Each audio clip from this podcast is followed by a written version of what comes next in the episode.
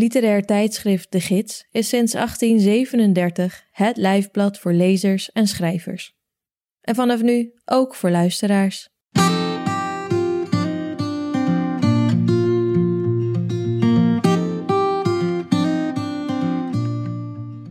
Je luistert naar Sprekende Letteren, een podcast van literair tijdschrift De Gids, met in elke aflevering een verhaal, essay of poëzie voorgelezen door de schrijver of dichter zelf. In deze aflevering hoor je een verhaal uit de Gids 2020-4. Voor dit nummer stelden we verschillende auteurs de vraag: welk zintuig missen we, zijn we verloren of beginnen we te ontwikkelen? Een van de schrijvers die speculeerde over de mogelijkheid van een zesde zintuig is Fiep van Bodegom. Luister mee naar haar verhaal, maar dat wist je toch? Maar dat wist je toch? In die tijd wandelde ik elke avond door de stad. Toen het einde van de quarantaine zich had aangekondigd, maar het normale leven nog niet begonnen was, leek de stad in de optimale dichtheid van gebruik te zijn vervallen. Aan het begin van die wandelingen kwamen de gedachten onwillekeurig op. Ondergeschiktheid geeft onzichtbaarheid en meer kennis van een organisatie dan de ondergeschikte doorgaans lief is. Zoveel weten ligt zwaar onder in de buik en wordt slechts uitgewisseld met een schuinse blik onderling, tijdens een toevallig passeren in de gang. De kantinemedewerkers, sectaresses en schoonmakers kennen het bedrijf op de meest intieme wijze. Het is kennis die onmacht geeft. Pas na drie kwartier stopte de stem in mijn hoofd, de machine die elk wakend moment haar ervaringen opdiepte, tegen het licht hield, betekenis gaf en overschreef. Ik verlangde ernaar slechts een paar ogen te zijn. De straatlantaarns gingen om tien uur aan.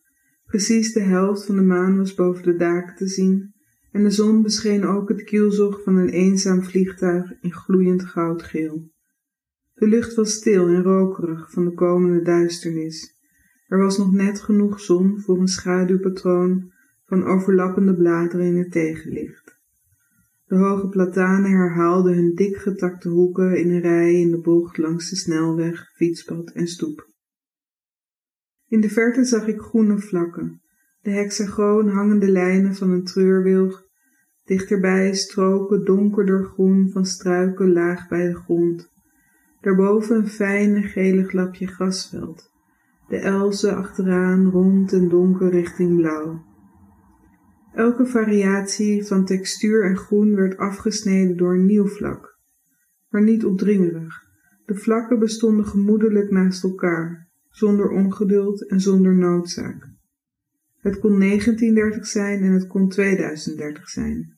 De straat was elk moment, zonder afleiding, zichzelf.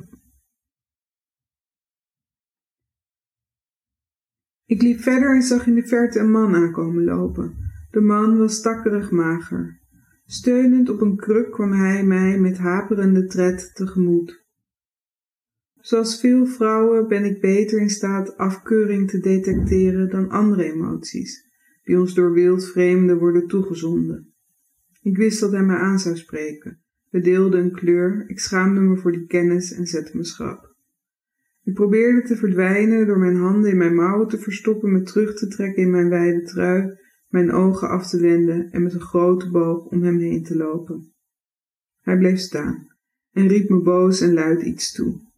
Ik dacht, trek je trui op te verstaan en zag decennia van teleurstelling en pijn, hij was botgevierd op dochters die nooit iets goeds konden doen, in benauwde, schemerige appartementen. De lucht was vol van de geur van vlierbloesem. In de berm zag ik de vierkante struiken met grote witte vlekken van de bloeiende schermen, weinig elegant behalve hun geur. Je ziet zelden plagen op vlierbomen, het loof is altijd vol en blakend, we verlangen naar kwetsbaarheid, maar vinden alles wat aangetast is door haar eigen kwetsbaarheid lelijk. Altijd anders zijn dan de omgeving maakt je tegelijk te zichtbaar en onzichtbaar. Bekeken, maar niet aangesproken, stelt het je in staat te zien met wat voor gedachteloze en gewelddadige ijver, eenvormigheid, het tegengestelde van gelijkheid, wordt nagestreefd. Hoe elke familie, organisatie, staat zichzelf reproduceert, tenzij bestreden met grote weerstand. De onbevangen wens hetzelfde te blijven is gelijk aan de gedachteloze wens alles wat anders is uit te roeien. De geur was bijna eetbaar en bracht zomers van vroeger terug, toen we in het park de bloesem plukten voor mijn moeders limonade. De avond daarop kwam ik tijdens mijn wandeling een oude vrouw tegen. Of oud, het was moeilijk te zeggen hoe oud ze was. Ze duwde een buggy en liep moeizaam. Ze had wilderige geblondeerde lokken, manen die naar achteren gehouden werden met een haarband. Haar gezicht was rood geschminkt. Het woord schmink geeft misschien een verkeerde indruk. Het was geen matte verf, zoals gebruikt wordt op kinderpartijtjes om maskers van tijgers en prinsessen te maken. Het leek meer op een vettige crème. Ik had haar eerder gezien en me afgevraagd of de crème iets tegen brandwonden was, of een oorlogsteken, of dat ze gek was. Ze keek van me weg toen ik haar passeerde, maar prevelde voor zich uit. Ik kon haar niet verstaan en toch wist ik dat het aan mij gericht was. Een zegen of een vloek. Van het gaas dat om de buggy was gespannen kwam plotseling geblaf. Eerder die avond had mijn zus gebeld om me te vertellen dat ze was teleurgesteld in een favoriete film uit onze jeugd. Ze zei: De politieinspecteur vangt helemaal niet de boef. De prinses blijkt dubbel spel te spelen. De schuldige komt weg met zijn misdaad. Hoe kan dat nou? Dat kan toch niet kloppen? Ik kan het me bovendien ook niet zo herinneren. Ze was verontwaardigd dat de schuldigen niet gestraft werden. Dat er zelfs van ons verwacht werd dat we sympathie voor ze hadden dat wij aan de kant van de goed geklede dieven zouden staan. Omdat ze slimmer waren, omdat ze wegkwamen met hun misdaad, omdat ze knap waren. Op de derde wandeling zag ik een kind helemaal aan de andere kant van de weg. Het kon niet kloppen, zo'n klein kind alleen zo laat op straat. Ik wachtte met oversteken in de veronderstelling dat ergens, maar waar, een volwassene een hoek om zou komen.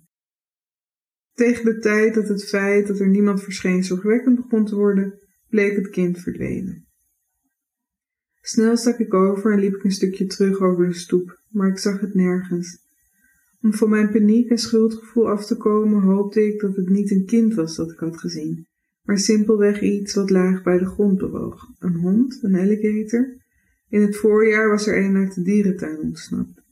Je zou zeggen dat het dier binnen een paar dagen teruggevonden was in zo'n kleine en dichtbevolkte stad, maar de zoektocht was tevergeefs. Smiddags had ik het nog lachend over de alligator gehad met een kennis die ik was tegengekomen, op weg naar de supermarkt. We hadden op straat staan roddelen over een gedeelde oud-werkgever met de onuitputtelijke interesse van precaire, verre familieleden. Hij zei met een glimlachje, verrukkelijk kwaadaardig, Degenen die daar voet aan vond krijgen zijn de ongevaarlijke mannen. En het glimlachje gaf het schijnbaar onschuldige ongevaarlijk, de niet mis te verzuimen ondertoon van infantiliteit en impotentie. Ik moest lachen. Beter deze kleine bittere wraak dan woede gemengd met onzekerheid, over al die werkgevers die wensten wat ze al kenden, maar dan als nieuw. Mocht je willen weten waarvoor een organisatie staat, kijk dan naar wie het meest verdient en wie als laatste een vast contract heeft gekregen. Niet naar de stagiaires, nieuwe stemmen en jonge talenten die met fanfare worden binnengehaald. Hij knikte instemmend. We liepen samen maar op afstand door de winkel, blij met onze toevallige ontmoeting. De vrouw achter de toonbak straalde een diep ongenoegen uit dat me beangstigde. Had ik de nieuwe regels onvergeeflijk overtreden? Had ik frivole boodschap gedaan? Was ik werkelijk zo sloom en onhandig? De ontevredenheid leek in de vrouw te kloppen als een zichtbare hartslag. Toen ik aan mijn kennis vroeg of hij dezelfde sensatie had bij de vrouw, antwoordde hij. Ze is doodsbang. Je ziet een vrouw die steeds op het punt staat controle te verliezen. Met absolute overtuiging zei hij, ze ruikt naar angstzweet. Ik weet niet hoe hij die geur zo makkelijk herkende. Terwijl ik dacht aan het kind of het mogelijke kind dat ik uit het oog had verloren, liep er een vrouw op me af in de schemering. Het was warmer, ze trilde. Kan ik een stukje met je oplopen? Waar moet u heen? Nergens, zei ze, maar ik zou graag een stukje oplopen. Ik vroeg of ze in de buurt woonde. Ja, zei ze, maar zonder toelichting. Ze rook misselijk makend naar angstzweet. Verder zag ze er keurig uit. Schuldig maar opgelucht zei ik haar dat ik moest afslaan, richting huis. Het was na tiener, maar nog steeds licht. De temperatuur aangenaam, het avondlicht bleek en liefelijk. Bijna thuis fietsten man en vrouw de straat in. De man zat op een iets te kleine damesfiets met kinderzitje en droeg een leverworstkleurige hoodie. Ik ben tegen racisme, zong hij met gelaten stem. De vrouw probeerde hem terwijl ze haar fiets vastzette zwijgend tot stilte te manen. Het verlangen hem te laten stoppen zat in elke driftige beweging van haar lichaam. Ze zei alleen niets. De man bleef traag rondjes fietsen en die ene zin zingen, langzaam en dreinerig. Ze hadden me gezien, maar ik negeerde hem terwijl hij bleef doorzingen. Toen ik een minuut later bij mijn voordeur stond, bedacht ik dat ik had moeten vragen of dat echt zo was. Een paar dagen later kwam de man met de diep haperende tred. Bij elke stap hield je je hart vast dat hij deze keer ging omvallen, weer tegen. En terwijl ik me wapende tegen zijn afkeur, lachte hij me allerhartelijkst toe, alsof ik een verloren dochter was. Dag, zei ik. Hoe gaat het, zei hij. Goed, was mijn antwoord. En ik liep terug naar huis.